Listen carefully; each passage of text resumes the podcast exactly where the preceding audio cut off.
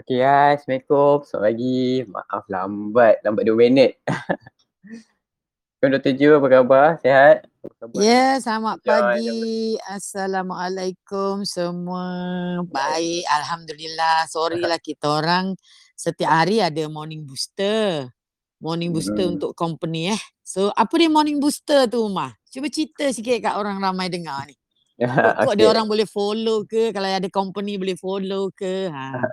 So, apa yang dekat The Awareness yang Dr. Ju terapkan kepada staff-staffnya, pagi-pagi kita orang ada macam kita adakan alih sebagai program morning booster. So, kiranya pagi-pagi tu uh, kita buat senaman, kita uh, baca apa orang kata zikir sebab kita nak bagi buat kerja tu dengan high impact. Uh, high impact, high result. Uh, Naikkan energy. Ya yeah, betul naikkan energi. So uh, mungkin yang sekarang ni kan work for home and then uh, mungkin ada yang company yang tak amalkan morning booster lagi ataupun maybe yang dekat rumah yang apa yang duduk rumah saja tu uh, Boleh buat pagi-pagi. morning booster juga. Ah uh, uh, betul tu. Boleh buat morning booster. So kandungan morning booster di Wellness tu pagi-pagi baca uh, selawat seratus ribu kali ramai-ramai. Sekarang ni kita orang pakai Zoom lah eh. Daripada lapan setengah mula sampai pukul 10. Sembilan, sembilan empat puluh lima macam tu lah. Hari ni lambat sikit sebab uh, banyak soalan. Jadi kita orang ada uh, selawat seratus ribu, ratib al-atas, lepas tu baca doa duha, doa rabita, doa iman. Lepas tu hari Isnin, Rabu, Jumaat kita orang ngaji. Hari ini Jumaat ada baca uh, Yasin, baca Al-Kahfi, uh, 10 ayat pertama, 10 ayat akhir. Lepas tu ada tazkirah. Ha, macam tu lah. Hmm. Uh, Dengan that's why lambat tadi sebab adalah kita bincang-bincang lagi, tanya-tanya pasal soalan agama kan. Ha, seminggu Mm-mm. sekali. Mm-mm. Okey Umar, macam mana? Boleh start? Okey, kat sini uh, saya nampak ramai dah join. Okey, tapi sebelum tu saya nak ingatkan, uh, ingatkan pada semua yang mana nak tanyakan soalan, uh, boleh tekan button yang dekat bawah tu warna biru. Nanti uh, saya akan, nanti akan, puan kita nampak tangan dekat tepi tu. Uh, nanti uh, macam ada orang kat tangan tu. Nanti saya akan uh, naikkan persatu-persatu lah. Hello kan, tuan-tuan untuk bercakap dengan Dr. Ju. Tujuh, Okey, tujuh, empat, dua, satu ni dah ber, ada beberapa hari tanya tapi tak dapat. Siapa sebenarnya agak ni ni? Okey, ah okay, tu saya naikkan. Ikut saya tak nak puan eh. Aku puan. Selamat pagi. Puan tujuh tujuh empat satu dua. Nombor apa ni agaknya ni? Tujuh, tujuh, empat, satu, dua. Uh, Ini boleh tekan misteri ni. puan boleh tekan button mic untuk bercakap. Uh, button unmute. Kat situ tulis. Boleh ke puan? Jumpa tak? Dia ada But- butang warna biru, gambar mic tu, gambar macam bunga tulip tu. Ha, tekan je kat situ. Ha, Okey, dah, dah. okey. Ah, okey, dah. Ha, siapa ni misteri ni? Saya Ruzita binti Aziz dari Kelang, Selangor. Ya. Yeah. Assalamualaikum Puan Ruzita. Waalaikumsalam warahmatullahi wabarakatuh. Doktor. Ya. Yeah. Doktor, saya dah ikut dah keto doktor dari bulan 12 2019 lagi. Stop. 2019 ya. Ya, ya, 2019. Dah stop. Puan ada masalah apa? Boleh cerita sikit? Saya masa tu kencing manis saja dengan Ya. asma. Ya. Okey, bila saya ikut uh, doktor, saya dah jumpa doktor dah masa 26 bulan 12 tu. Mm-mm. Okey, saya dah stop gula, stop ubat, semua saya dah stop. Tak ada Mm-mm. ambil apa-apa lagi dah uh, Ya. pun semua.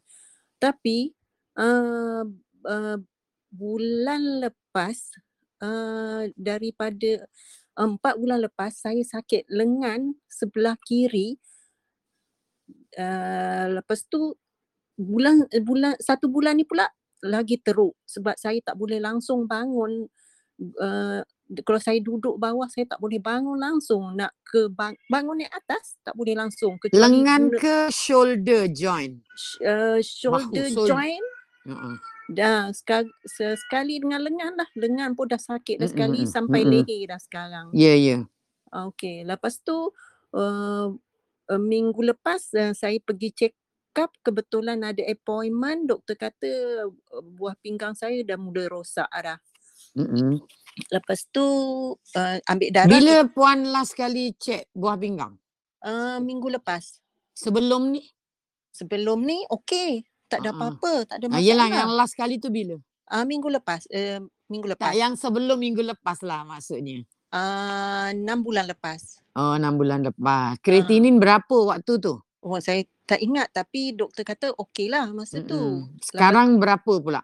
Uh, belum lagi uh, dari ambil darah belum lagi keluar tapi dari air kencing aja sebab masa tu saya letih, sakit lengan teruk semua. Mm-mm. Tapi doktor kata dia heran juga sebab saya punya kencing manis kontrol. Mm-mm. Paling uh, kalau saya mak- sebelum makan pun 4.8. Kalau saya mak- Alhamdulillah. Ha. kalau saya makan pun hanya pu- 6 aja. Ah, ah, ah, ah. Uh, 6 lebih macam tu aja. Dekat Itu- kencing ada apa tu yang dia kata ada buah pinggang masalah tu? Ah dia tak cakap apa lagi sebab bila saya tanya dia kata kita buat ambil darah dulu dia kata baru nanti uh, bulan lepas makna 14 bulan 7 ni barulah ada keputusan darah. Hmm. Baru tahu. Kerajaan ke? Ya kerajaan. Hmm. Tapi okey. sekarang memang saya teruk. Kalau saya tidur bangun ke memang pinggang dua-dua sakit. Lepas tu Mm-mm. lengan saya memang tak sakit Dr. Ju. Mm-mm, mm-mm. Saya tak tahu nak buat apa Dr. Ju. Okey, lengan tu apa doktor diagnose? Dia saya Bukan lengan lah, itu maknanya shoulder. Ah, dia suruh saya buat fisio aje lah itu Mm, aje. Sebab okey ya, yang lengan, sakit Ha-ha. lengan ni maknanya shoulder joint. Shoulder joint ni adalah sendi bahu. Dia ada beberapa penyakit sendi bahu ni uh, dan uh, ada satu tu dipanggil frozen shoulder. Frozen shoulder ni adalah satu penyakit yang biasalah penyakit ni kadang kita tak tahu datang dari mana dia nak datang ha, macam tu kan ha, tetapi selalunya mestilah ada imbalance dalam tubuh kita lah mungkin Ah. hormonal imbalance ke Mhm. tak tahulah kita tak tahu jadi frozen shoulder ni adalah satu keadaan di mana dekat sendi ball socket kita ni dekat sendi bahu ni dia Mhm. tiba-tiba dia bengkak uh, frozen shoulder ni yang typical dia bermula uh, daripada sikit daripada sikit tapi dia progressing makin teruk makin teruk makin teruk makin beku makin beku. Frozen tu maknanya shou- shoulder tu beku. Tetapi dia nanti akan bila sampai ke tahap tu sangat teruk. Tetapi nanti dia akan ada satu tahap dia akan baik baik baik baik. Jadi selalunya kan orang yang ada frozen shoulder ni uh, kalau doktor yang jumpa dia doktor tu tengok nasib kadang-kadang doktor tu datang uh, tengok dia waktu penyakit tu bermula atau penyakit tu baru nak ketip uh, jadi bila jumpa doktor tu ambil ubat semua dia tak baik dia kata doktor misal ini bukan I cakap dengan you tak dia Okey. kata oh teruk doktor ni bagi Okey. ubat tak baik. Kemudian rupanya penyakit tu makin lama makin kat tip tip tip tip tip. Kemudian dia akan drop drop drop drop drop. Masa dia drop tu jumpa doktor, doktor bagi ubat yang sama ke kita yang kita tak tahu kan. Ah, tiba-tiba dia baik. Ah, jadi kadang-kadang kata wah baiklah ubat doktor tapi sebenarnya tak. Frozen shoulder ni shoulder ni ada satu penyakit yang sangat susah jugalah because dia berlaku disebabkan oleh bengkak dekat dalam sendi uh, sendi bahu tu dan sendi bahu tu frozen ataupun beku menyebabkan sangat sakit. Memang benda ni sangat-sangat serius. Banyak juga orang yang, kena kalau ditanya hospital pun hospital uh, akan cakap tak tahu puncanya. Kadang uh, dibagi steroid lah. Sebenarnya mestilah ada sebab mungkin kita ada terpakai ke ada overuse ke we don't know lah apa berlaku kat dalam tu kan. Ya. tetapi memang betul lah kalau doktor suruh fizio sebab dia nak uh, you movekan you punya shoulder bila supaya bila tiba masanya dia nak baik tu uh, dia akan apa ni tak tak ada maknanya waktu tu tak ada distraction dah berlaku sampai you langsung tak boleh buat dan selalunya benda ni ambil masa sangat lama. So kita kadang-kadang sangat-sangat tak tahu nak buat apa. Maknanya it's very painful, nak makan ubat, takut sakit. Kemudian bila benda tu maknanya bahu you sakit, you menyebabkan tangan you you tak pakai. Tahu itu biasalah kita tak boleh pakai because it's very painful. Jadi akan menyebabkan otot kat lengan ni akan hypo, maknanya dia akan jadi otot tu akan jadi makin lemah, makin makin kecil. Itu pun jadi masalah. That's why disuruh buat fizio. Fizio tak perlu jumpa doktor pun. Mungkin fizio tu just untuk besarkan lengan you dengan uh, tangan you tu supaya bila sendi tu baik, dia tak dia tak akan makin teruk. Salah satu cara macam mana nak ngurangkan sakit tu adalah Ya. ubat nombor satu. Nombor Okey. dua, you jangan, you kena memang you mungkin dah buat pun off all toxic food sebab kita kena tahu shoulder kita tengah sakit, tengah demam. So kita jangan torture dia lagi supaya dia tak bertambah sakit lah. Yang ketiga, ada juga orang yang buat acupuncture. Acupuncture ni sebenarnya untuk menghilangkan sakit lah. So that dia kita tak makan ubat sebab ubat is not good. So kadang-kadang kita takut nak makan ubat. So selalunya kalau you pergi jumpa acupuncturist yang pandai dia akan buat acupuncture dekat situ. Ada juga case yang kalau you jumpa pakar-pakar tulang yang bagus dia akan inject steroid kat dalam you punya sendi tu supaya bengkak tu you tak tunggulah setahun baru baik. Kalau letak steroid kat tempat yang macam tu kan sebab kita tahu benda tu tengah bengkak, dia akan inject dalam sendi tu uh, dan dia akan hilang, dia very fast hilang, tak perlu tunggu setahun. Sebab kadang-kadang lama sangat. Kita tak tahu dia depend pada dia depend pada you punya ni lah, pada you punya immunity, pada you punya uh, badan punya uh, kekuatan, nutrien yang you ambil, underlying uh, penyakit kan. Jadi dia nak sembuh bila bergantung pada ni. Dan uh, apa ni satu lagi doktor boleh buat apa ni yang dipanggil uh, PRP stem cell. Uh, itu lebih selamat lah dimasukkan stem cell daripada badan you sendiri. PRP uh, itu lebih selamat. Tapi selalunya yang buat pakar. Itu uh, itu yang pertama, causes yang pertama because kita tak tahu yang mana satu. Yang kedua, dia tak ada melibatkan sendi pun tetapi dia melibatkan tendon ataupun kalau otot kita kalau kita makan uh, makan ayam tu daging okay. yang hujung dekat tulang tu dipanggil tendon. Okay. So dekat-dekat dalam kita punya sendi ni dia ada tendon yang menggerakkan kita punya joint tu. Jadi uh, tendon tu dia ber, dia inserted ataupun dia berada dekat lu ada keluar daripada kita punya soket tu dekat luar dia bukan dalam sendi dan ini juga sangat-sangat sering. Ha, jadi ha, kalau yang ini bila you pegang, ha, maknanya you you ambil jari you, you tekan dekat uh, depan, maknanya kalau you tengok ah, macam mana nak nak bisa uh, nak uh, ni, you, dia dekat bawah clavicle. You tahu tak tulang uh, ni tulang dekat leher dekat apa dia dekat dekat atas pada bahu you, kalau okay. you rasa dia ada tulang yang melengkung tu, uh, yeah. kat bawahnya kalau you tekan sakit gila maknanya itu adalah penyakit yang bukan frozen shoulder. Yang itu adalah dipanggil tiba-tiba hari ni thought block apa namanya. Tapi is, uh, is sendi ada tiga sen, uh, ni tendon bergabung dekat situ. Uh, jadi penyakit ni pun sangat sering. Uh, kalau yang itu pun rawatannya paling senang kalau doktor Ju buat memang inject stem cell tak uh, uh, ni letak kat situ. Selalunya kalau uh, dia orang datang jumpa doktor Ju kita orang akan ambil video. Uh, video sebelum kita inject kita ambil dulu gambar. Nampaklah dia tak boleh ke depan ke kiri ke tengah.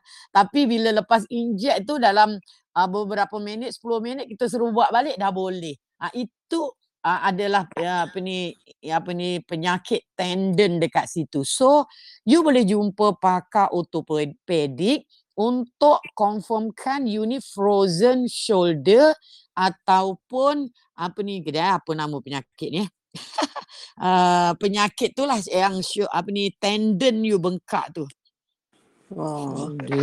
Oh, saya, saya masa saya buat fisio tu saya dah tanya, dah tanya dengan doktor nak confirm kan dia kata tak ada apa-apa kalau patah you tak boleh angkat tangan itu aja jawapannya. Alah senangnya lah doktor ha, ni pemalasnya kan? lah maknanya tak ada ha. ilmu lah tu. Itulah. Ah ya you kena Lepas tanya. Kadang-kadang saya Ah namanya ni rotator cuff tendonitis sebab tendon tu adalah yang gerakkan you punya cuff tu. Maknanya yang yang pusing-pusingkan you punya sen, sendi tu.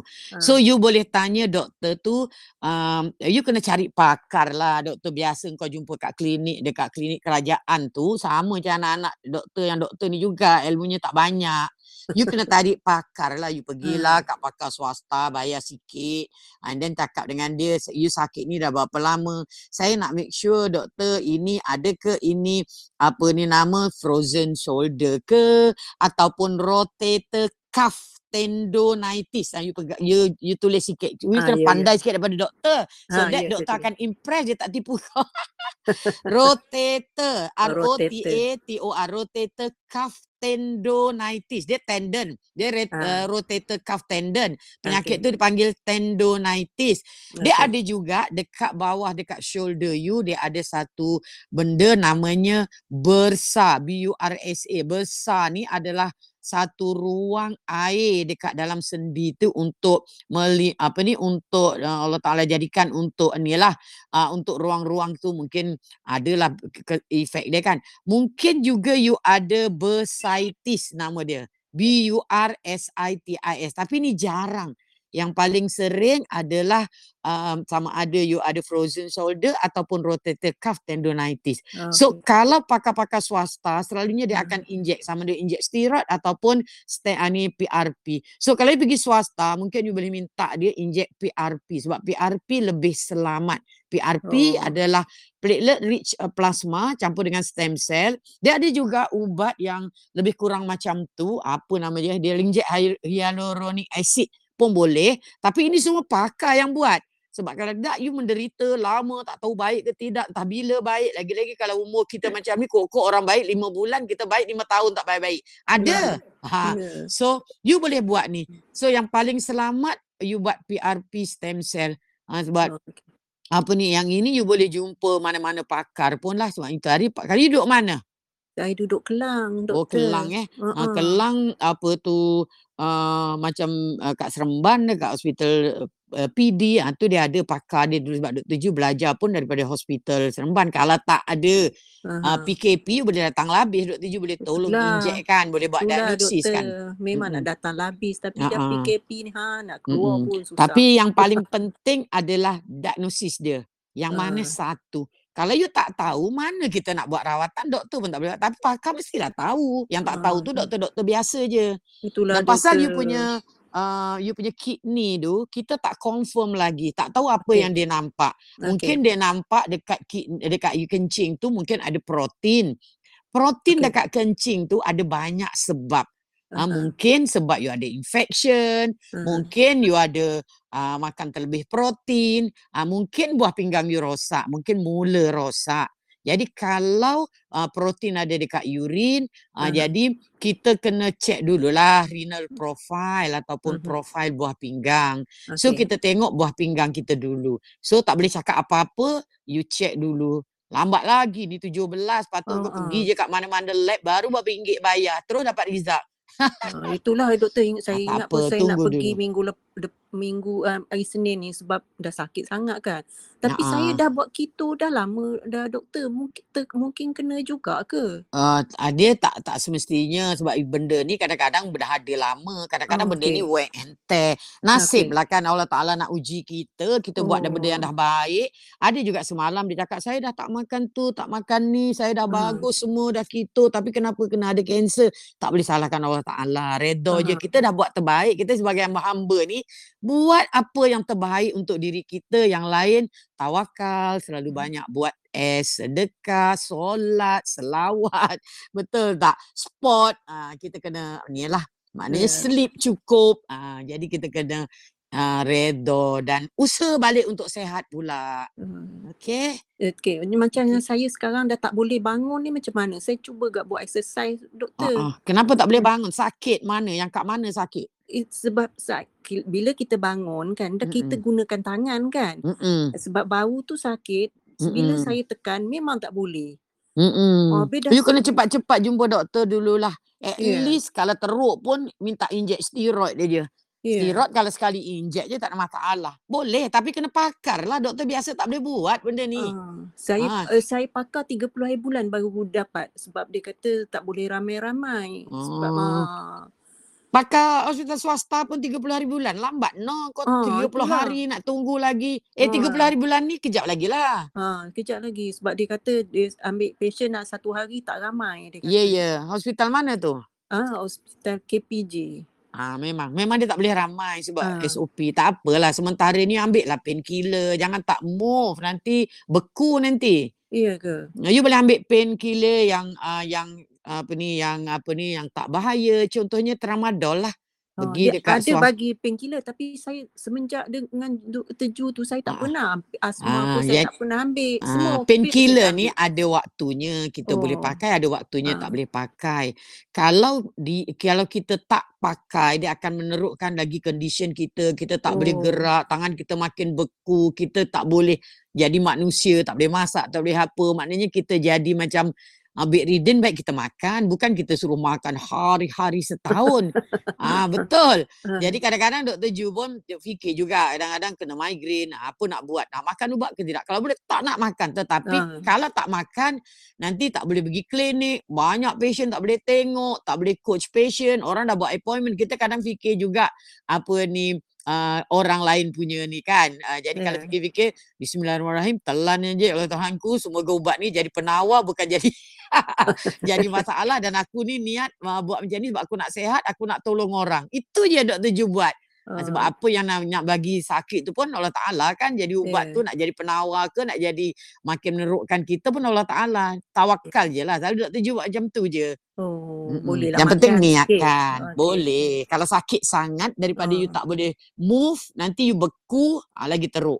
Ya. Okey? Mm-mm. Macam asma dah okey alhamdulillah doktor. Saya tak Alhamdulillah. ambil pam uh, apa tu uh, yang warna biru tu pun saya tak ambil dah sebab tak tak kena kan. Alhamdulillah Ah, dah. Alhamdulillah. Ah, alhamdulillah. In, inilah pula baru ni lah Mm-mm. pula dapat Sekarang kalau nak suruh buat acupuncture pun tak boleh Hmm. buka. Kadang-kadang kita itulah. pun ah, kita pun pening jugalah sebab Ah. dia rasa macam ah, macam rawatan acupuncture, rawatan bekam tu saja cuma alternatif dan dia tak perlu buat tak buat. Masalahnya sekarang Dr. Ju buat ah, macam acupuncture, macam ah, apa ni bekam adalah untuk rawatan bukannya alternatif, bukannya just untuk prevention. Dr. Ju buat untuk rawatan buah pinggang, maknanya untuk merawat dia. So kadang-kadang kesian patient tak boleh datang tiga Ah, itulah. Buah pinggang dia getting worse sedangkan sebelum ni dah getting better tapi kita tak boleh ah, ni tak boleh lah bantah apa ah. kerajaan yang Ya. tetapkan. Lagi ah, satu mungkin dia orang tak faham kan. Mm-mm. ah. Itulah Okey. doktor hari tu pun tak dapat nak buat uh, aku apa tu nak buat aku uh, masa datang pergi ah. klinik doktor pun tak sempat nak buat masa tu. ah. Ya ya. Ha, itulah doktor. Okey, Kau, tak kita, apa kita tak boleh snacking ke? Snacking. Ha, snacking tu macam mana? Adakah sebab saya makan uh, kacang-kacang yang buatkan saya jadi uh, kotor kencing ke macam macam mana? Oh, tak juga. Tak juga. Snacking tak ada apa. Kalau you snacking macam Dr. Ju snacking ambil capsicum tu letak atas dia tu ikan. Ay, sedap gila rupanya. So, Itu dah jadi dah dah jadi, jadi sedap pula. Letak timun, letak itu tak benda kalau you snacking macam tu. Kalau Kacang, kacang, tu ah, kacang. kacang tu tengok kacang dia. Saya Kalau ambil kacang yang you hmm, saya ambil almond. kacang badam uh, el, almond dengan Tak ada apa dia cuma banyak oh, good oil je. ya Ah, dengan yang kecuali you ah ada uh, ada intolerant. Kita tak tahu intolerant tak sama, you dengan I tak sama. You ah boleh try off and see what happen because you tak buat DNA study kan. So you ah try off and see what happen. Kalau you try off one week tengok wah tak ada lah, okay lah. Uh, barulah you uh, you kata you mungkin intolerant. Mungkin badan you tak tak nak benda ni. Uh, tak sesuai mungkin makanan ni tak sesuai untuk you. Kacang ni mungkin tak sesuai untuk you. You cari kacang lain pula. Okey, cari oh benda lain lah. Tapi oh sayur selalunya ramai orang macam uh, celery kan. Celery tu potong-potong. Uh, you ah celup dengan you buat macam makan makan mangga. Oh sedap gila sebenarnya. celery uh-uh. tak boleh bayam tu boleh lah juga Oi, bayam mentah-mentah. tak ada tak ada mak- ah, dia rebus sajalah sikit lah macam tu Okey, ha, tak apa. ha. Okey Ah, puan. Okey doktor terima kasih banyak-banyak. Hari-hari cuba Okey. ni tak dapat. Alhamdulillah. Okey, sama-sama. Okey assalamualaikum. Waalaikumsalam warahmatullahi. Assalamualaikum. Okay, terima kasih Puan. Tanyakan soalan. Uh, hari-hari cuba try. Hari ni dapat juga cakap. Okay. Uh, ni saya ada nampak Puan Retifah dia angkat tangan. Hai Puan. Assalamualaikum. Selamat pagi. Ya, Puan Rotipa. Dr. Ju, semalam saya jatuh daripada pokok. Buat apa panjat pokok ni? Ya, uh, Saya nak balut buah, buah buah mata kucing. Saya tanam Ah, ah. ada saya tanam pokok mata kucing, saya panjat tangga. Lepas tu tangga Ah. tu tiba-tiba terlipat saya jatuh ke bawah. uh-uh. Saya dah lah kena GERD. Saya ni ada GERD. Lepas tu uh, saya terhentak buntut uh, dia, apa terduduk, saya pergi doktor pakar. Doktor pakar buat X-ray. Lepas buat X-ray, doktor dapati saya punya uh, apa ni? Uh, tulang belakang saya ada retak. Lah, itu dah satu masalah besar tu puan.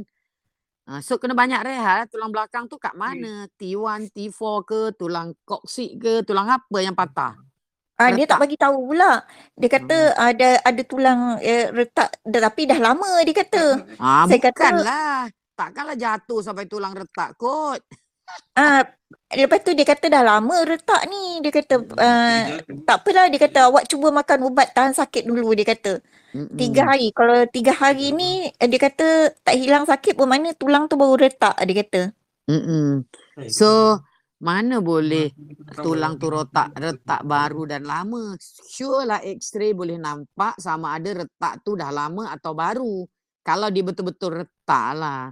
You boleh Ah. ambil gambar x-ray tu kalau uh, kalau nampak lah. Boleh tunjuk kat kita orang boleh screenshot letak dekat tu. Nanti Dr. Ju boleh tengok sebenarnya. Ah, Tapi kena pandai nak screenshot tu. Selalunya kita orang akan letak. kena pandai lah supaya nampak what happen tu. Dia retak Mm-mm. sikit je doktor. Retak Mm-mm. sikit je.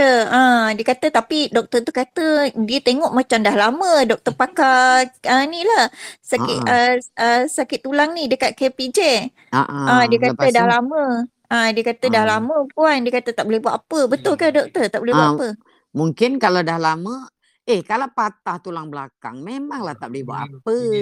Cuma you je yang kena move supaya apa ni supaya uh, tulang tu jadi padat, supaya dia cepat sembuh. Kadang kan orang bila dia ada masalah macam ni, dia tak nak gerak sebab sakit. You tahu tak apa berlaku kalau kita tak bergerak? Contohnya kita ada Ah. patah tulang kaki. Ha, kemudian Ah. kita tak bergerak lah 6 bulan baring aja. Apa Ah. berlaku? Benda tu bercantum. Tetapi un, dia bercantum untuk dia padat, kita kena bergerak.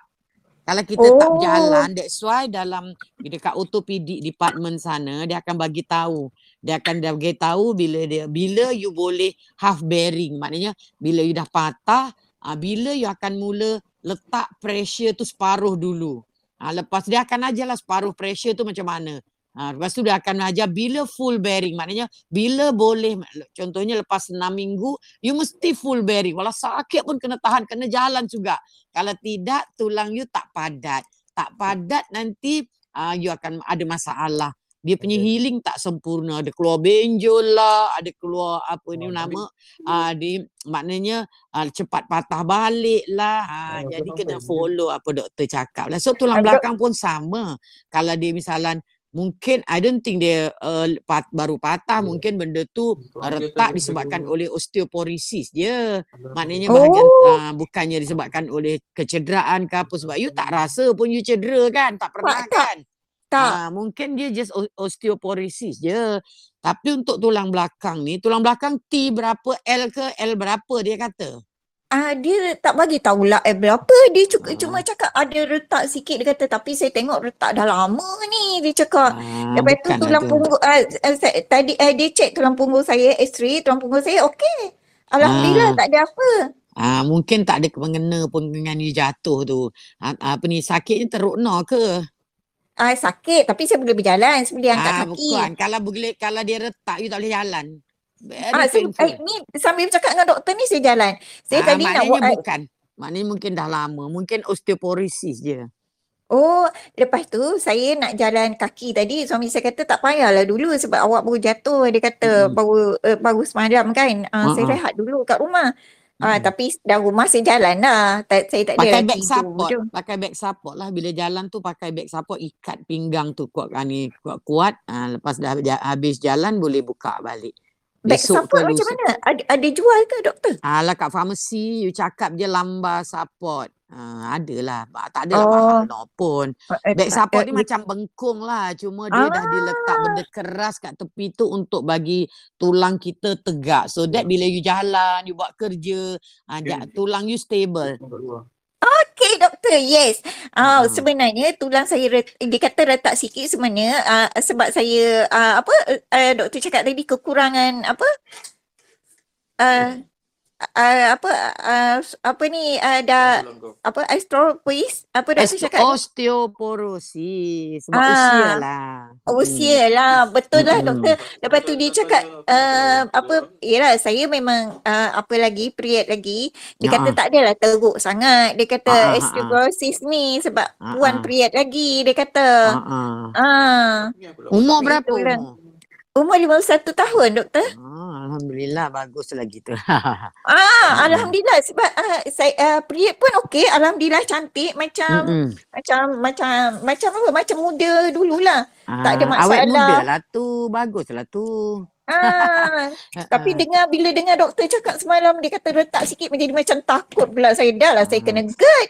Ah. Mm-mm. Lepas oh rupa rupanya kita beli beg tu kita pakai ya doktor ya. Boleh, boleh. Jangan makan ubat lah. Sebab you ada GERD, you makan ubat nanti akan menerukkan keadaan. Ah, Dia suruh painkiller. makan doktor. Ha, you Dia beli suruh ubat sapu-sapu je. You pergi dekat farmasi, dia ada ubat yang tampal-tampal. Ha, you boleh tampal je dekat situ pakai bengkung dah. Kalau yang Oh. elok sebab you punya usus ada masalah, you makan painkiller nanti dah masalah you tak settle. Kalau sakit Ah, dia- sikit-sikit tu tahankan aja. Ah sakit sikit-sikit lah. Lepas tu dia bagi ubat tahan sakit doktor. Dia kata puan kena makan ni, puan kena makan. Dia kata kena habiskan. Ha, tak payah, tak payah. Tak payah ya. Ha, Ah, kalau tak sakit nampak. sangat, apa makan? Tu painkiller bukan ada apa, dia hilangkan sakit je. Oh tak payah makan Ah. tu lah saya takut semalam. Mm-mm, Saya kata mm-mm. saya, saya sebab saya ada GERD nak elok dah GERD saya ni. Ah, Lepas jangan tu- makan nanti lagi teruk GERD dia. Ah, bila makan pil killer, ah, apa pil tahan sakit tu, saya rasa GERD saya macam tak sakit. Ah, sebab ubat tahan sakit tu kot. Mm-mm. Okey, Ah, apa okey puan. Ah, okay, terima kasih doktor. Saya pergi lah sekarang farmasi. Cari Okey, cakap dengan dia lamba support sebab dia ikut ukuran. Ha, jadi Lam- mungkin ukuran uh, dia ikut ukuran puan. That's why kena pergi Oh. sendiri. Mm-mm. lamba support. Okay, Ya, terima ya. kasih doktor. Okey, sama-sama. Okay, pindah hujung. Okay, terima kasih kepada Tifa. Okay, uh, saya nampak ada orang kat tangan. Ibu Khalif, Puan Ibu Khalif. Ni puan ke tuan? Puan lah kot. Ibulah, mak kepada Khalif. Uh, okay, Puan Ibu Khalif boleh tekan button mic tu untuk bercakap. Hello. Boleh ke? Jumpa tak? Ah, okay dah. Jom. Ya.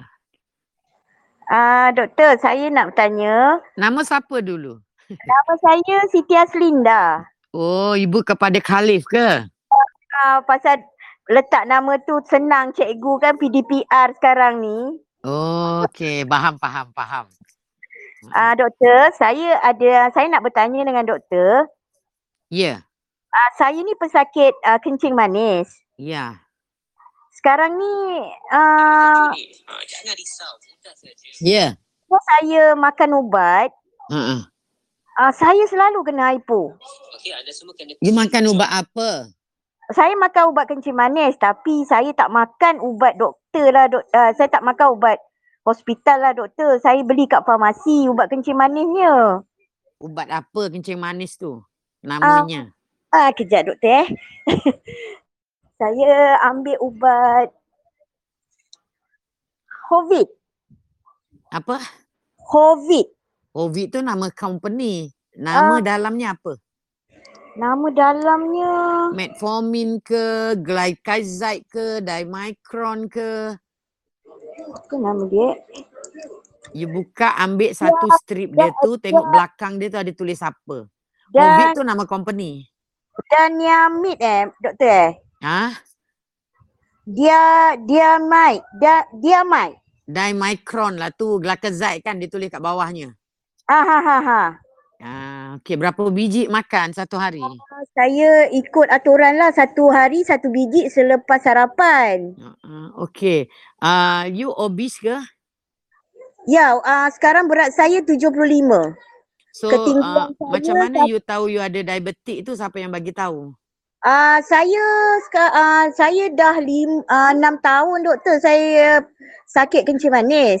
Uh-uh. Permulaan tu sebab saya uh, mengikuti uh, satu acara seribu langkah masa tu. Uh-uh. So di situ dia ada uh, buat uh, macam check untuk kencing manis apa semua kan. Ya. Itulah first, first time saya buat check up. Mm-mm. Uh, pa- pada permulaan tu memang saya punya gula memang sangat tinggi. Berapa tu? Uh, permulaan saya kena kencing manis tu 15. 15 waktu tu puasa ke tak puasa? Saya masa tu baru lepas bersenam doktor. Uh-uh. Ah, Ah, okey, lepas lepas tu? bersenam, ah, lepas tu saya terus ah, pergi ambil ah, cek ah, gula lah masa tu. Uh-uh. Lepas tu ah, titi, ah, lepas tu ah, saya ah, misi tu beritahu, ah, kak, akak ni dah ada kencing manis ni dia kata. Akak punya gula dah 15 dah ni dia kata. Uh-uh. Masa badan saya memang melebihi 80 lebih lah doktor. Mm-mm. Lepas tu uh, dah lama gitu saya makan lah mula-mula bila saya kena tu saya macam terperanjat lah sebab saya tahu penyakit kencing manis ni bahaya kan untuk diri Mm-mm. Mm-mm. mengikuti saya pergi klinik uh, uh, klinik kampung gitu kan Mm-mm. ambil rawatan doktor Mm-mm. pada permulaannya bila saya makan ubat hospital tu saya tak boleh tahan lagi saya tak boleh tahan doktor saya nak Mm-mm. muntah mual tau Mm-mm. doktor Mm-mm. Mm-mm. tapi baring je tak boleh buat apa saya jadi lemah Lepas tu you tukar ubat sendirilah. Ah, lepas tu ah, saya pakai insulin. Saya cakap dengan doktor, doktor saya tak boleh makan ubat sebab pil tu besar satu hal. Mm-mm. Apa memang tak boleh masuk. Saya cakap saya jadi lemah. Okey kak, ah, Mm-mm. insulin lah dia kata. Mm-mm. Lepas tu ambil insulin berapa lama? Saya tak sampai setahun doktor. Mm-mm. Sebab Lepas tu badan naik lah, gemuk lah. Saya jenis orang yang tak disiplin tau doktor. Uh-uh. Saya mudah nak enjet kat perut kan benda tu kan nak kena kita nak kena enjet kat perut lah tepi perut tu kan. Jadi Berapa selalu- unit tu waktu tu ambil? Oh saya tak ingat doktor dah lama dah tu. Uh-uh. Tapi Lepas tak banyak tak berat, tak berat lah. Mm-mm. Lepas tu saya uh, saya tukar pada ubat ni. Ubat yang Ubat ni siapa yang bagi? You pergi cari sendiri kat Ah, farmasi saya eh? pergi kat farmasi, saya bertanya Ah. kan. Mm-mm. Apa jenis masa tu? Satunya Mm-mm. yang yang saya makan sekarang ni buatan Malaysia. Mm-mm. Yang lagi satu tu dia kata uh, buatan USA ke gitulah. Mm-mm. Lagi Mm-mm. sepapan tu dalam RM20 tak salah saya. Yang ini Ya, ya. satu papan baru RM5. Mm-mm. Ha, jadi saya pun makan. Bila saya dah makan tu sekarang ni, sekarang ni. Mm-mm. Dulu-dulu saya makan tak adalah hypo macam ni doktor. Mm-mm. Tapi sekarang ni bila saya makan, Apa Saya yang you buat lain uh, sejak akhir-akhir ni apa yang you buat lain? Mungkin you kurangkan makan ke apa ke? uh, You saya diet ke? Exercise ke? okey uh, sebelum sebelum saya dah anu dengan Dr. Ju ni, saya ada mengikuti uh, grup Herbalife. Mm-mm. Uh, saya makan produk Herbalife lah doktor. Saya Mm-mm. memang jaga makan betul lah dia sebab dia mengamalkan eat clean. Mm-mm. Uh, saya makan, lepas tu saya bersenam doktor. Mm-mm. Tapi masa saya ikuti Herbalife tu tu pun doktor, bila saya makan ubat uh, ubat kencing manis ni, saya pun ada kala saya hypo juga. Mm-mm. Tak tahu dengan doktor lah, kenapa ya? Ah, okey okey. Dr. Ju dah faham. So Ah. macam ni, uh, sebelum you ambil satu-satu ubat, you kena faham all out apa dia kencing manis. Kenapa you dapat kencing manis dan kalau you nak buat sesuatu pun kita semua kena tahu kenapa kita buat benda tu. Dan kita Ya. makan ubat pun kita kena tahu macam mana ubat tu bertindak. Ha, jadi kencing manis ni adalah gula tinggi dalam darah. So gula tinggi dalam darah ni kita kena tahu apa puncanya. Dr. Ju dah banyak cakap kan. You dah register belum Dr. Ju punya seminar 26 hari bulan ni? Uh, belum doktor. Ah, you kena register, wajib register. Sebab you kena tahu kenapa you hypo. You hypo sebab you tak perlukan ubat. ah, kenapa you makan ubat? Ah itu puncanya sebab gula tinggi dalam darah, gula tu sebab gula tu tak boleh masuk dalam sel sebab you ada penyakit dipanggil insulin resistant. Ubat yang kita yang doktor bagi ni ada beberapa cara dia bertindak. Cara Oh. pertama, dia ambil gula you, dia sumbat-sumbat masuk dalam sel. Dia sumbat-sumbat masuk dalam sel lemak. Bila you makan, gula terus hilang daripada darah menyebabkan you hypo. Sebab gula tu, sebab insulin meroket. Sebab insulin yang buat kerja. Maknanya ubat yang pertama, cara dia bertindak, dia paksa you punya badan keluarkan lebih banyak insulin. Ini sama dengan you inject insulin lah. Jadi Ya. insulin tu akan dropkan you punya gula. Ha, jadi gula tu akan masuk dekat you punya sel sel lemak. Ha, akan jadikan you obese ataupun dia masuk dalam sel. Itu cara pertama. Jadi ubat ni adalah ubat yang puan tengah makan sekarang. Nama dia glycoside. Ha, jadi ubat tu memang you akan hypo. Sebab bila you makan dia insulin meroket. Insulin dia akan ambil, gula semua dia pergi keluarkan tempat lain dalam darah. Supaya darah you tak ada gula. Tapi ke mana pergi gula tu? Gula tu sebenarnya ada dekat badan puan lagi tapi dia simpan dalam lemak, dia simpan dalam hati, dia simpan dalam kita punya sel menyebabkan kita akan dapat masalah lain. Nombor dua, puan juga pernah ambil ubat yang ber, yang besar-besar tu yang nak telan tak boleh tu. Itu Ah. namanya metformin. Metformin pula cara bertindak dia adalah cara dia increase insulin resistant. Tetapi metformin ni ramai orang tak boleh tolerate. Bila makan pening kepala mabuk, tak boleh hidup, tak boleh ah, ni sakit, tak boleh bangun sebab itu kesan samping ubat. Dia kena tahu bahawa kita sekarang makan ubat. Semua ubat ada kesan samping. That's why you pening dan you pula minta, puan pula minta insulin. Sebenarnya insulin tu sebenarnya kalau you inject, kadar kematian kita meningkat berkali-kali ganda daripada orang yang tak inject insulin. Jadi kalau nak tahu cerita sebenar, puan nanti register, nanti apa ni nama, uh, Rusahayati ya namanya. Rosita eh. Kita Serinda. Ah nanti nak pakai suka-suka je tak nama. Nanti Dr. Ju akan suruh tim Dr. Ju kalau ada yang dekat sini untuk untuk kontak puan lah ah, macam mana nak register because you kena tahu all out. Ah, maknanya you hypo ni sebab ah, apa ni ubat yang you makan. Mungkin gula dalam darah you tak tinggi. Ada ke puan cek gula setakat ni? Setiap hari ada ada mesin tu tak? Ada ada. Saya ada kat rumah ni. Uh, Hmm. tadi pagi saya dah check uh, doktor. Ah berapa? Saya mak uh, saya pagi-pagi saya tak makan apa lagi. Saya check gula saya 8. Ah, ah bila dah lepas makan Ah lepas makan saya tak check lagi ni sebab saya dah makan ubat lepas makan ni tadi. Saya ah, makan ubat. pukul tu. berapa yang you cek 8 tu? Ah dalam pukul tujuh setengah tadi. Ah, mungkin puan pun ada down phenomena. So puan kena tahu macam-macam. Ah, jadi down Hmm. phenomena ni ada keadaan di mana bila you bangun pagi patut gula rendah. Tapi bangun pagi gula tinggi. Ah, you kena tahu juga kenapa benda tu berlaku. Dan lepas tu nanti you tak makan ubat ke apa-apa, you check balik pukul 10, eh gula rendah pula. Tadi ah, ni kadang-kadang lepas breakfast, eh gula rendah pula. Tadi aku makan ah, tak makan bangun pagi gula tinggi, kenapa tak makan apa-apa? Pukul 10 gula rendah pula. Itu ada satu keadaan dipanggil down phenomena. Yang tu pun uh, puan kena tahu jugalah kenapa. Tapi panjanglah ceritanya puan. Jadi yang paling bagus sebenarnya buat diet, uh, diet, buat intermittent fasting, buat ketogenic diet, belajar all out pasal ketogenic diet, off ubat. Enggak ubat tidak menyelesaikan masalah. Dan Doktor, kalau you nak ubat yang tak menyebabkan you hypo macam tu tapi dia juga naikkan you punya insulin mungkin you ambil ubat lain lah. You boleh ambil Trajenta, you boleh ambil Jardian. Semua tu tak ada side effect lah. dekat farmasi ada tak doktor?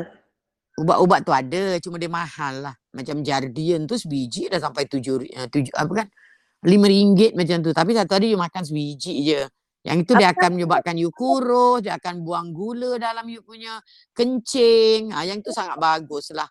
Apa nama Tapi dia yang- doktor? Boleh bagi tak nama dia? Apa nama, dia? Nama dia uh, sama ada Jardian, J-A-R-D-I-A-N-C-E ataupun hmm, ataupun Forxiga. Dia sama je F O R X I G A. Dua-dua tu sama lah lebih kurang. Nama XIG. lain je. Uh-uh. Nah, So, you boleh pilih antara satu tapi ubat tu you tak akan uh, apa hypo-hypo tapi gula you senang kontrol and then badan you makin lama makin kurus uh, then you Oh, buat diet. Tapi puan memang wajib lah join nanti puan tahulah seminar tu hari Sabtu 26 hari bulan 6 whole Aha. day lah daripada pagi sampai petang. You just siapkan uh, telefon ke apa je duduk depan mata, depan tu betul-betul masuk kelas dengar betul-betul. Dia menyelamatkan you dari macam-macam. Puan umur berapa? Saya umur 45. Ah, umur 45 kan lama lagi tu nak hidup tu. Ah, Jadi kena belajar all out. Betul ni. And then you nak exercise semua pun kena ada ilmu. Sebab ramai juga orang yang ajak exercise yang salah.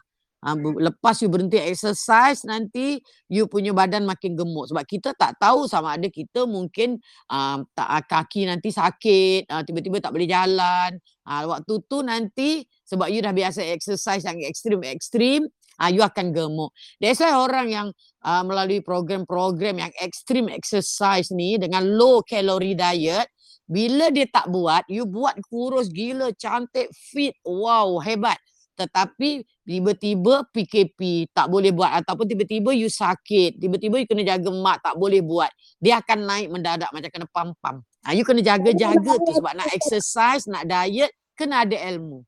Saya naik sekarang doktor badan. ah tahu pun sebab Ah, you sebelum ni tahu buat buat uh, buat ikut. Herbalife kan Sebab saya dah terasa berat badan saya sebab uh, kaki saya dah mula sakit semula lah ni. Ah, Tumit saya- tahu pun. ah, dia kena ada ilmu. Nak buat exercise, nak buat apa kena ada ilmu. Nak berdiet pun kena ada ilmu. Sebab uh, adalah yang uh, setengah-setengah apa ni orang yang ajar mas untuk berdiet, untuk apa ni untuk kuruskan badan bagi Dr. Ju ah uh, cara even kadang-kadang doktor pun yang ajar cara dia buat ni ada apa ni salah. Sebab dia buat low calorie diet. And then you bagi you apa-apa untuk minum. Lepas tu jangan makan saja. Ah, lepas tu kena exercise ekstrim-ekstrim. Melompat apa ni buat skipping sampai 100 kali lah. Sekali jalan ataupun you kena pergi mendaki. Ah, lepas tu badan you akan berada keadaan, keadaan dipanggil physical stress. Bila physical stress, you punya hormon stress naik. Hormon-hormon tu akan merangsang you punya gula dalam darah. Insulin you akan naik. Gula you akan naik. Bila gula tu naik, maknanya gula dengan insulin sentiasa tinggi dalam darah you. So you kena lebih lagi nak gunakan lagi tenaga, kalori you kena bakar lagi. Kalau you tak bakar, uh, insulin akan apa ni maknanya you akan makin gemuk. So bila you stop exercise, apa yang berlaku insulin dah tinggi dalam badan you. Ha, gula dah tinggi badan badan you. Maknanya metabolisme rate you pun dah drop. Ha, jadi apa yang berlaku bila you berhenti saja daripada exercise, ha, ini contohnya rancangan Big Loser lah. Dekat Malaysia pun pernah buat. Tapi benda tu dikecam satu dunia because dia buat rancangan Big Loser. Nah, dia baginya orang tu makan very low calorie diet setiap hari. Dipaksanya exercise sampai nangis-nangis. Sampai exercise satu hari berapa jam. Tadi pagi sampai petang exercise je. Badan drop kurus daripada 100 lebih tinggal 50 kel- slim gila. Tetapi bila dia berhenti saja balik je rumah. Dia back to dia punya old habit dia tak exercise, badan dia lebih gemuk daripada sebelum dia masuk Big Loser. Yang ini juga akan berlaku dekat Malaysia kalau uh, program-program macam ni uh, you all you all follow. Nah, you akan makin lepas ni nanti you sebab you, oh, kita mungkin bila uh, bila uh, uh, sakit ke uh, kita tak boleh exercise yang ekstrim badan you akan uh, melonjak-lonjak naik. Itu kesilapan yang ramai banyak berlaku dekat Malaysia bukan dekat Malaysia satu dunia. That's why Dr. Ju ajar benda yang betul, bagi you all ilmu yang betul. So you all faham why, why, why. Ha, bukannya just buat, buat, buat ikut-ikut orang. Okay, Puan? Okey okey doktor, saya nak tanya lagi satu. Ya. Yeah. Uh, bagus tak susu glucirna tu? Ha, glucirna ni kalau Dr. Ju dah memang tak tak setuju untuk orang diabetik because glucirna tu dalamnya kalau you tengok pun dia masih lagi ada karbohidrat, masih lagi ada benda lagi lah yang yang Dr. Ju tak setuju. Lebih baik kalau you diabetik you buat you bulletproof coffee. Ha, you memang akan bantu you. You punya you punya kalau you buat bulletproof coffee, bulletproof coffee ni adalah ko, you buat minuman kopi. Ha, kalau you tak ada gastrik lah kopi, you tambah dengan apa ni tambah dengan butter, pure butter. Ha, kalau boleh yang pure butter? grass fed, you letak Ah. MCT oil. Ah, so you letaklah santan ke ataupun you letak susu. Kalau you nak letak susu sikit je, you blender, minum. Ini minuman yang paling baik untuk orang yang diabetik. Kopi akan meningkatkan you punya uh, you punya apa ni nama metabolisme rate. Kemudian fat akan menyebabkan you kenyang. Bila you kenyang, you tak uh, you tak lapar, you tak craving. Dia akan hilangkan you daripada craving nak makan, nak makan, nak makan. Ha, that's why kita kena ada ilmu nak diet ni. Kalau you ambil um, susu-susu yang tinggi kalori, lepas dia minum, you punya insulin dirangsang, you lapar. Nak makan, nak makan. Tapi terpaksa uh, tahan diri you sebab uh, trainer kata tak boleh makan. Pukul 12, uh, pukul 2 baru boleh makan. Sekarang tak boleh makan, minum je susu. Bila you tahan benda you tak nak tak boleh makan, tak boleh ada hati you nak makan, nak makan lapar, you akan dapat stres. Bila you stres, you punya badan akan keluarkan all hormon-hormon stres, insulin you meningkat, gula meningkat. You jadi bila you makan pukul 2, contohlah pukul 2, and then you buat exercise, exercise, exercise, insulin lagi tinggi, lagi tinggi. You punya gula lagi tinggi, lagi tinggi dalam darah sebab dia badan you perlukan gula untuk you exercise tu, dia perlukan tenaga. Ha, dia memang akan pecahkan lemak semua. Tapi bila you nak pukul 2 you nak makan tu, mungkin pukul 12 kita tak tahu you punya uh, ni macam mana, you akan sangat lapar. Bila you sangat lapar, you akan makan lebih banyak daripada orang biasa. Uh, mungkin uh, sebab you dia tak ada, maknanya you punya hormon-hormon lapar di, dirangsang. So bila you makan waktu tu, insulin Ya. tengah tinggi dalam badan you. Insulin akan ambil apa you makan tu semua di-convert kepada fat. Semua di-convert kepada fat. So that's why sama ada uh, berat badan tu tak makin turun ataupun di balance ataupun di stabil saja. That's why ramai orang buat diet macam ni mula-mula okey turun turun turun. Lepas tu dia akan give up. Dia akan dapat yo-yo. Yo-yo tu maknanya gemuk kurus, gemuk kurus. Buat kurus tak buat gemuk. Buat kurus buat tak buat gemuk. Why kita kalau boleh nak buat benda yang konsisten. You buat benda yang konsisten supaya benda tu akan maknanya kalau you kurus pun kurus yang kekal. Uh, bukan kurus apa ni makna kurus yang sekejap sahaja. Itu Oh. kena kena ada ilmu lah. Tapi Boleh. sekarang saya doktor, saya memang dah stop Herbalife sebab saya tak Mm-mm. mampu. Ha, tak Sebab apa. dia dia punya tu tinggi sangat. Dia punya puan ambil je daripada ambil glycerina tu baik puan buat bulletproof coffee je ambil je kopi Nescafe ke apa ke bancuh Nescafe air letak beli tu? butter ha boleh minum ke Nescafe? you ada masalah apa Tak ada, saya memang tak ada masalah ah, apalah. tak ada Tapi saya masalah apa boleh minum kecuali lah you ada gastrik ke you Ya, ada saya tak masalah darah tinggi-tinggi melambat meneruk sebab uh, kafein kalau dia akan naikkan kita punya pulse rate kan tapi Oh, saya kalau tak you normal you ambil Nescafe uh, sikit sahaja just untuk naikkan kopi ni kalau sikit dia adalah merawat. Kalau you ambil berlebihan sampai dapat ketagih itu yang tak bagus. Kalau you just setakat Oh. minum untuk sehat, maknanya you pagi minum sebab you tak nak lapar, you buat bulletproof coffee tadi. You cuma beli kopi, apa-apa kopi pun. Kalau paling teruk Ya. pun kopi uh, 434 ke, kopi cap kapal layar ke.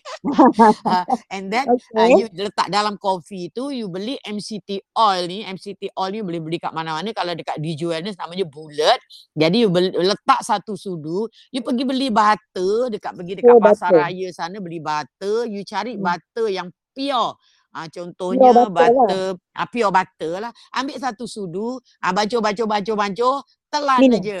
Ah, minum. Lepas tu MCT oil tu apa doktor? MCT oil tu. Is minyak kelapa. Minyak kelapa uh, yang diekstrak yang dipekatkan diambil medium chain triglyceride saja. Kat mana boleh MCT dapat ni doktor? uh, you boleh tanya tim Dr. Ju. Uh, atau apa ni nanti orang akan bantu you. MCT oil ni sebenarnya daripada minyak kelapa. Dalam minyak kelapa tu ada macam-macam dalam tu lemak. Tapi lemak yang kita pakai ni yang yang dalam yang diekstrak, ditapis-tapis-tapis tinggalkan lemak yang dipanggil MCT ataupun medium chain triglyceride. So Oh. MCT ni bila kita minum dia tidak perlukan pudi empedu nak pecahkan empedu nak pecahkan dia. Dia terus diabsorb masuk kat dalam hati. Dalam hati dia akan ditukar kepada ketone. Semaknanya dia akan menjadi satu bahan yang menggantikan gula sebagai tenaga.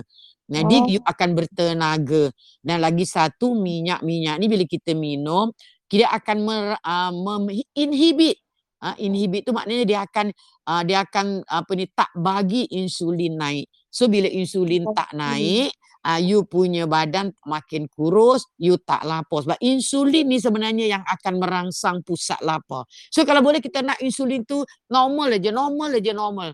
Uh, tapi kita punya insulin majoriti orang yang ada masalah diabetik ni insulin kita tinggi. That's why kita asyik lapar aja. Lagi-lagi bila you makan ubat, ubat tu merangsang insulin, of course you hypo. Ya, Okay. ya, Uh, nanti kalau puan dah join uh, kelas Dr. Ju, puan lagi faham dan uh, apa ni uh, lagi tahu apa nak buat. Sebab kelas ni sangat murah. Kalau puan buat one on one dengan Dr. Ju bukan tak boleh memanglah boleh.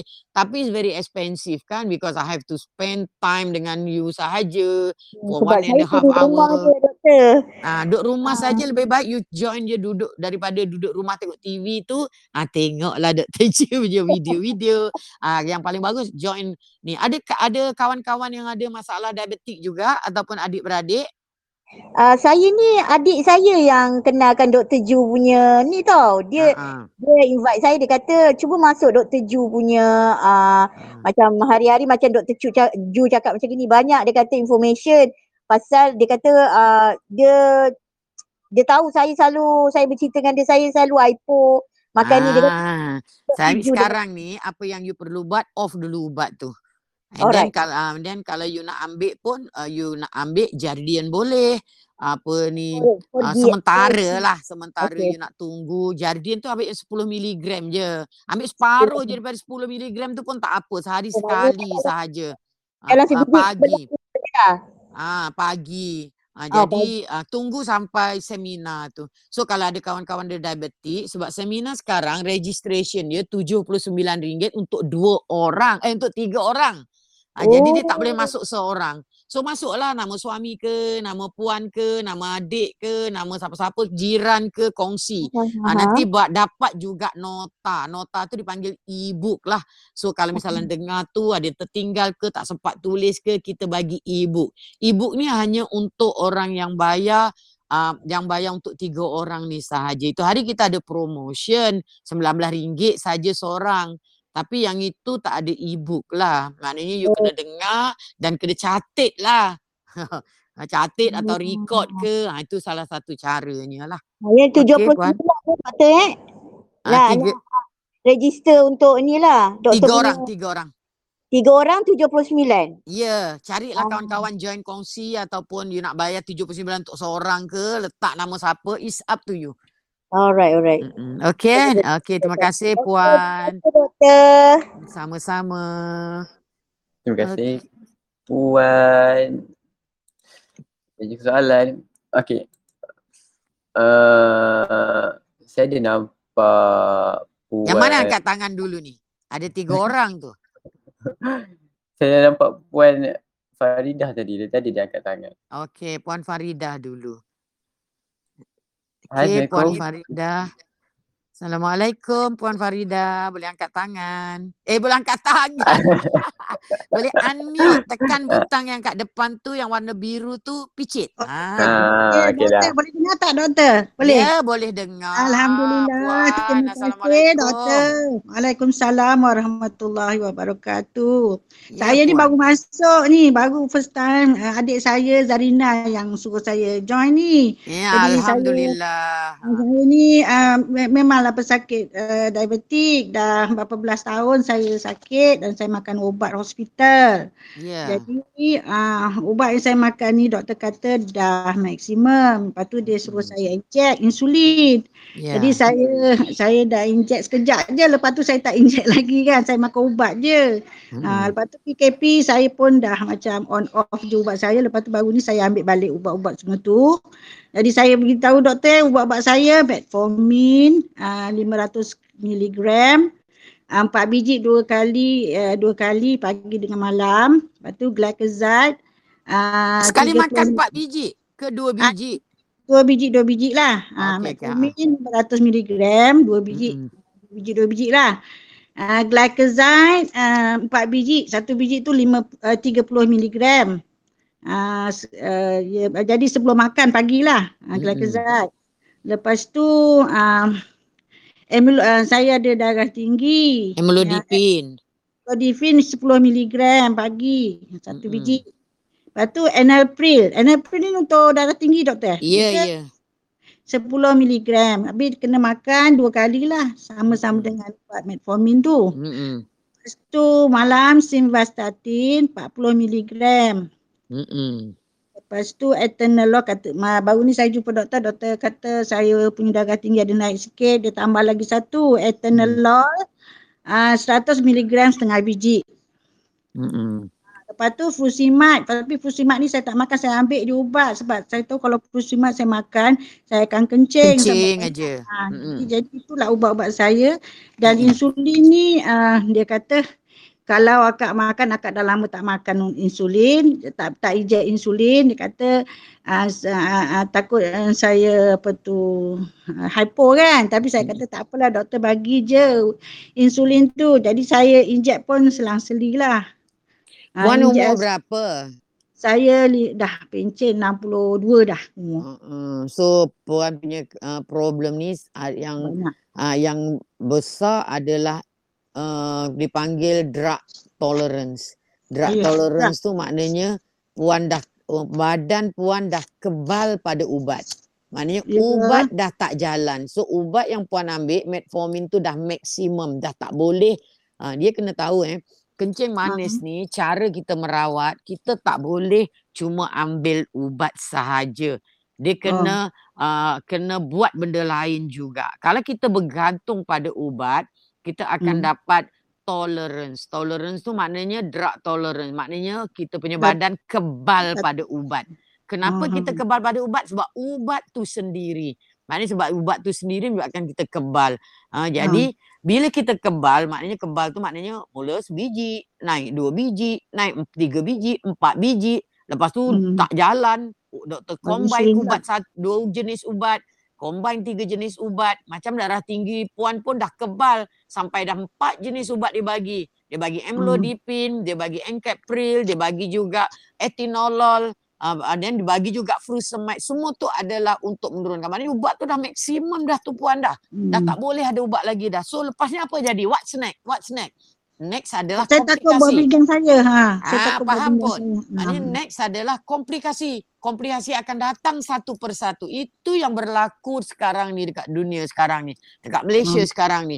So mula-mula nanti mata mula tak nampak, tangan kebas-kebas, dan mulalah mungkin dapat pening-pening sebab nak stroke. Lepas tu dapatlah kencing berbuih, buah pinggang dah mula rosak, mula sakit dada, ah, kaki bengkak. Itu adalah yang puan akan dapat selepas ni. Allah, Next sebab ubat semua puan dah ah. kebal. Bila puan injek insulin apa jadi pula? Semua komplikasi yang bakal dapat lagi cepat datang. Lagi undang lagi cepat. Kalau patutnya lima tahun lagi, dua tahun lagi ataupun setahun lagi puan dah dapat semua. So puan kena belajar macam mana cara puan nak buat ni. Puan join Dr. Ju punya ni 26 hari bulan ni. Nanti jawapan semua akan dapat dekat situ. Ini wajib join puan. Sebab kalau Okey, nak cerita dekat sini sampai petang Ah, pun tak okey, habis. okey. Ha, ha. Saya nak tanya, fusimat tu saya dah tak makan doktor. Dah lama saya tak Ah, makan. Furosemide ni adalah ubat untuk buang air daripada darah Ah. kita ni pergi kat Okey. kencing. Jadi bila air kurang, pressure kurang. Ha, jadi bila Okey. pressure kurang, apa ni kita punya jantung tak kerja teruk. Itu je gunanya sebenarnya. Sebab Ah. dia tengok puan ubat semua dah tak jalan. Jadi kena Habis buat sesuatu puan sebelum Ah, sampai ah, okey, 26 pertama gula dah off belum? Gula, Ha. saya makan juga gula lah tapi nasi saya kurang makan doktor. Kata orang kalau makan uh, nasi kurang, uh, kuranglah gula uh, apa tu gula tu. Ah, sebab Hmm. itu ikut cakap orang. Ah, nanti lepas ni Aha. ikut cakap Dr. Ju. Doktor, saya nak tanya. Saya Ya. nak tanya gini. Kalau saya mak injek malam, ubat tu saya makan semua uh, dan injek. Jadi saya punya gula pagi-pagi uh, bangun tidur saya tengok macam 6 lebih, 6.7, 6 lebih lah. Ah, Tapi, tapi, kalau puan saya tak injek, ha, ha. saya tak, saya tak injek dia jadi 8 lebih, 8.1, Mm-mm. 8.4 macam tu lah. Itu punya sure lah kalau injek dia drop sebab insulin tu akan bawa uh, gula puan tu pergi dekat lemak puan, kat hati puan. Nanti puan akan dapat masalah hati, akan masalah gemuk. Oh, Ah, jadi dan lagi satu insulin tu sebenarnya racun. So bila tak puan boleh? injek insulin, puan punya kadar kematian meningkat uh, 75% boleh. daripada orang normal. Puan Jadi punya kata ke ah. barang kalian untuk dapat buah pinggang rosak lagi tinggi sebab Dr. Ju banyak pengalaman. Nanti dalam kelas tu. Hmm. Ju akan ajar lah. Doktor, kalau ada orang kata kalau Angel lebih baik dari makan ubat Ha, sebab itu nanti orang doktor, cakap sebab dia dia ah, tak buat tahu. pinggang tak rosak. Oh, tak. Ha, itu sebab tu. orang cakap. Oh, okey okey okey. okey. Tak, tak boleh dengar orang cakap. Ah, ya ya ya, okey baik. Kena tahu Ah, lagi fact, satu fakta. ah, apa ya? Jadi saya ni macam mana makanan yang saya patut makan ah, apa nasi tu agak-agak betul ke saat malam tak makan siang je ataupun ah, bergantung pada diri Ha, diri gula puan kena off 100%. Setitik pun tak boleh. Gula putih, putih ke, merah ke, hijau ke, kuning semua tak boleh makan. Ha, Jadi Okey. puan boleh ganti dengan pemanis. Ha, pemanis kalau tak faham boleh tanya tim Dr. Ju. Yang Okey. kedua, nasi tu ha, puan boleh buat nasi resistant dulu. Makan sehari sekali dulu sebelum puan belajar dengan Dr. Ju lah ha, Okey, minggu ah, depan. okey. Ah. Jadi buat nasi resistant. Kalau tak tahu macam mana nak buat nasi mi, mi boleh resistant, makan tak tanya. doktor? Ha? Mi boleh makan tak? Mi Mi mi nasi tu semua sama. Kalau dah makan nasi tak Okey. boleh makan mi. Kalau dah makan mi tak boleh makan nasi. Semua tu karbohidrat. Ha, Ah, semua okey. tu akan jadi gula. Jadi Roti? itu yang kena Oh, faham. pula. Habis nak Ah. makan apa? Sayur je. Betul. Ha, that's why lah nanti kita, nanti Dr. Ju ajar. Banyak Okey, okey. ceritanya. okay, Puan. Saya Terima nak, kasih nak tanya, bertanya. doktor Ah, nak tanya satu lagi. Tadi Ya. doktor tadi cakap kalau kencing tu berbuih. Adakah Mm-mm. kerana kita makan ubat kencing tu berbuih ataupun apa-apa sebenarnya? Kencing berbuih, Ah. dia ada banyak sebab. Tapi yang sebab utama, Puan dah ada masalah buah pinggang lah. Selalunya macam tu. Jadi Ya Puan ke? kena ambil darah, Oh. kena cek. Uh, kena cek dulu Ah. kencing ada protein ke tidak. Uh, Oh, tahu dan ambil darah. Yang paling bagus kan Puan pergi klinik swasta ataupun pergi makmal mana-mana ambil darah. Cek satu badan punya profil. Cakap dengan dia saya nak ambil darah, nak cek badan saya ni ada masalah apa-apa tak. Pergi je klinik Hmm. swasta tak mahal mana pun. Jadi Yalah, bila lepas uh, lepas daripada kelas tu tahu keadaan macam mana. Sebab Hmm. selalunya kalau orang kencing manis, kencing berbuih tu sebab ada protein dalam tu lah. Maknanya dah ada kencing Oh. dah ada maknanya buah pinggang dah Hmm. bocor. Itu paling ke, Okey. paling sering sekali. Hmm. Ha, puan baik cepat-cepat tengok. Nanti kalau Periksa misalnya tengok Oh, kalau Maaf. tengok oh rupanya ada ada buah pinggang ada masalah baru tahap tiga ke apa ke. Ha, tu boleh coach dengan Dr. Ju. Dr. Ju ajar macam mana nak reversekan balik. Sebenarnya periksa darah tu doktor dah ah, hospital dah ambil cuma resultnya nanti tunggu appointment akan datang. Jadi Appointment akan datang tiga bulan lagi, Ah, enam ah, bulan ya. lagi. Ha, waktu tu Ah. kalau tahap tiga, buah pinggang dah jadi tahap empat. Oh ya ke? Ya. Biasa tak boleh harapkan hospital saja. Diorang sibuk nak menang COVID sekarang ni. Okey okey okey baik baik. Ha. Kalau Okey, kebas-kebas tu Puan. biasa dah tanda-tanda tu eh. Tu. Ya, Kebas. tanda-tanda gula uh, dah merosakkan urat saraf tu. Oh, ha, ha, ha, Hmm. yelah. Kena buat sesuatu cepat sikit. Okey, okey. Puan. Terima Okey, kasih. terima kasih doktor. Tanya. Assalamualaikum. Waalaikumsalam warahmatullahi Terima kasih. Bye.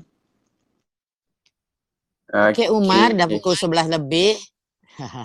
Okey, dah pukul 11 lebih. Uh, Besok So- je lah kita sambung besok je eh. untuk sesi seterusnya, insyaAllah esok pagi pukul 10 macam biasa. Uh, saya bersantai dengan Dr. Ju. So, uh, yang mana yang tak nak terlepas tu boleh buat reminder lah awal-awal. Uh, so, kalau Hmm. macam ada tiba-tiba macam. Ju ada busy, Dr. Ju akan inform awal juga. Okay, Kalau ada pertanyaan yang tak boleh tunggu besok, boleh type saja uh, Hmm. dekat uh, apa ni chat Dr. Ju tu. Kalau Dr. Ju apa ni ni ada masa Dr. Ju akan jawab dekat situ. Kalau tak kita boleh tanya secara live besok. Okey itu saja daripada Dr. Ju hari ini. Terima kasih banyak-banyak pada yang mendengar. Terima kasih banyak-banyak pada yang bertanya supaya jawapan daripada soalan diorang uh, semua akan bagi manfaat. Mungkin kita ada masalah yang sama dengan diorang tu. Semoga semuanya dapat manfaat daripada sesi hari ini. Yang baik tu daripada Allah Ta'ala, yang ke, uh, kekurangan, yang tak baik tu adalah dari kelemahan Dr. Ju sendiri sebagai hamba. Okey, jumpa lagi besok. Assalamualaikum warahmatullahi wabarakatuh. Okay, jumpa lagi esok. Bye.